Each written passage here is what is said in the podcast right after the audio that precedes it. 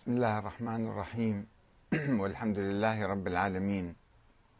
والصلاة والسلام على محمد وآله الطيبين الطاهرين. ثم السلام عليكم أيها الأخوة الكرام ورحمة الله وبركاته. ما هو موقف الإسلام من العقيدة النصرانية برفع النبي عيسى عليه السلام إلى السماء ونزوله إلى الأرض قبل يوم القيامة؟ ماذا يقول القرآن الكريم حول ذلك؟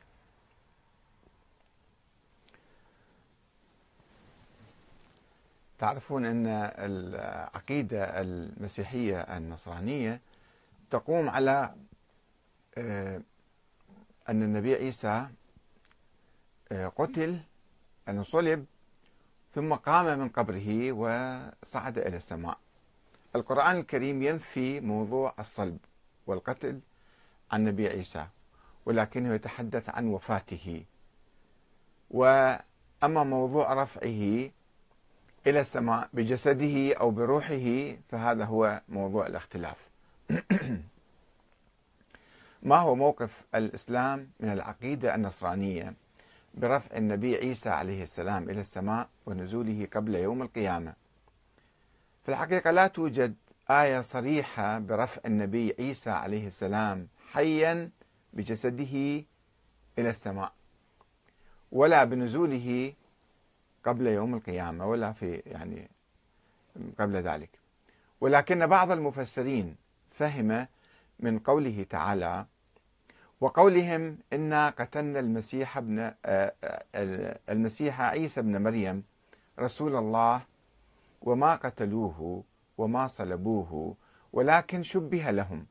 وإن الذين اختلفوا فيه لفي شك منه ما لهم به من علم إلا اتباع الظن وما قتلوه يقينا هم ما متأكدين. بل رفعه الله إليه وكان الله عزيزا حكيما.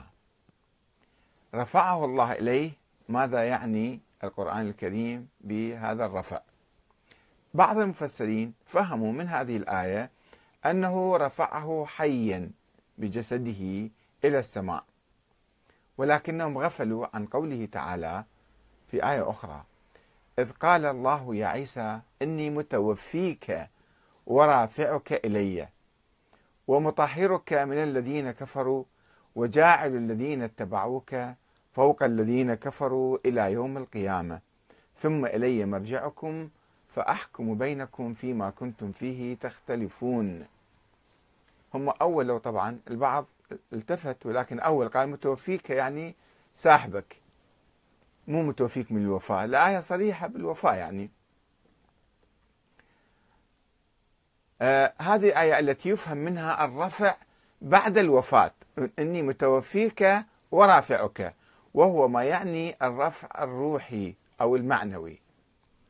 وإن المفسرين أولوا معنى متوفيك في المستقبل أو بعد الرفع. يعني إني متوفيك بعدين أتوفاك مو الآن. أول شيء أرفعك بعدين أتوفيك.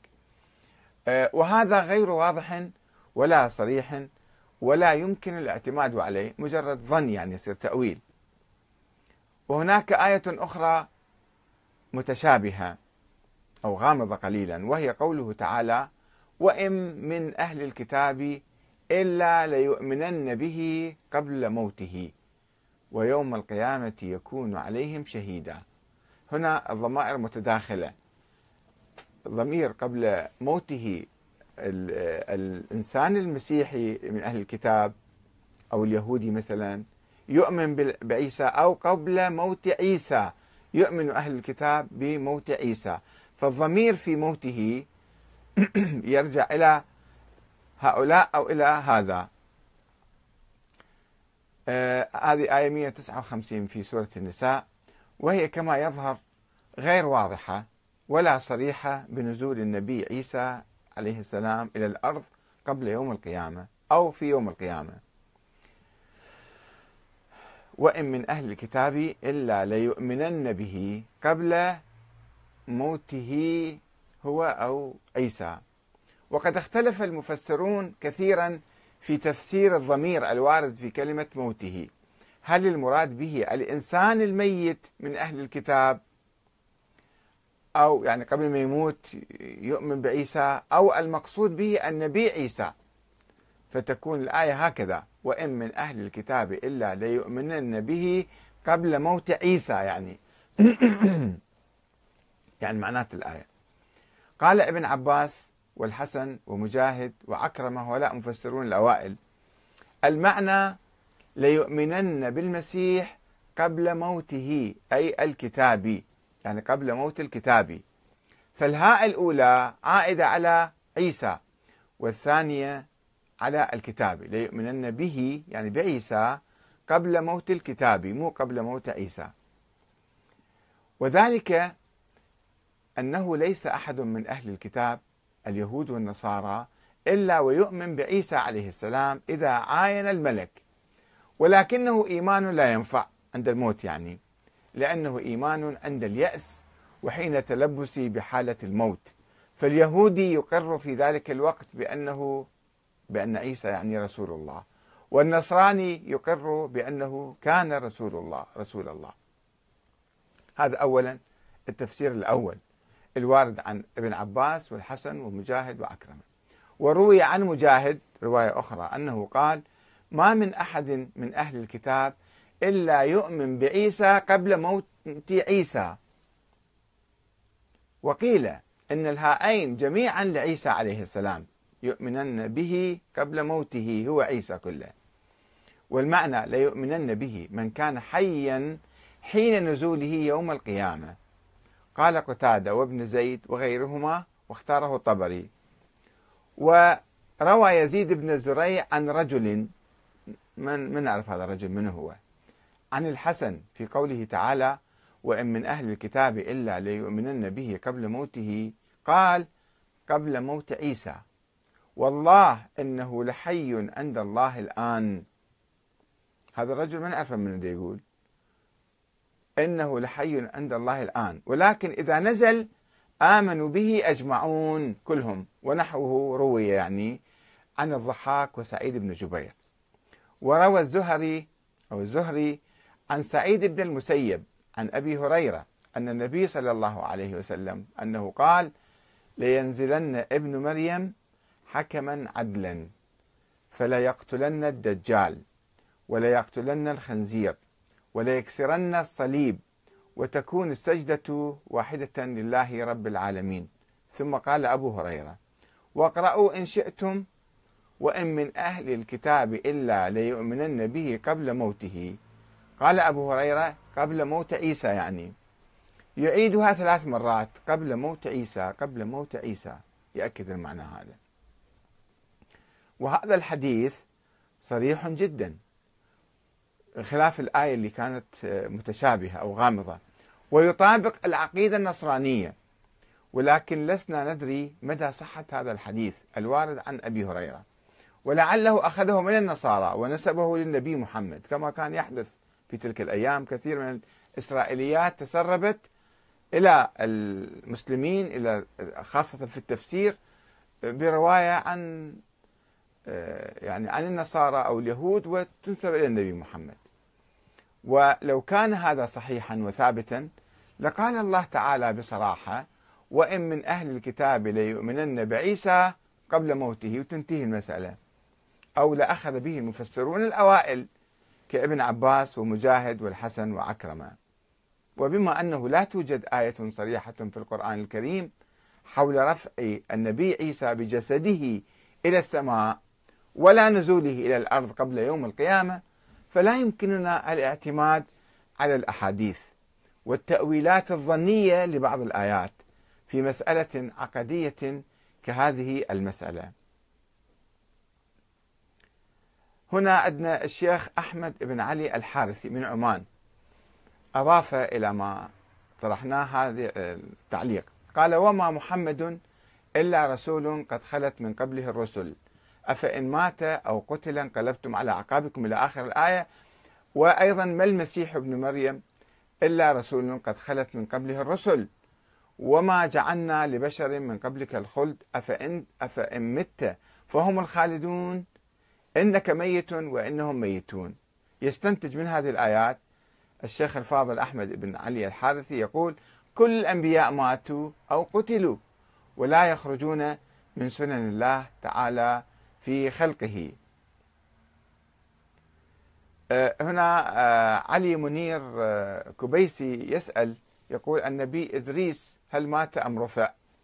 هذا عند اليهود موجود أنه رفع أيضا للسماء ولكن هذا ما لا في آية ولا في حديث عنه في الإسلام في التراث الإسلامي يعني في القرآن والسنة.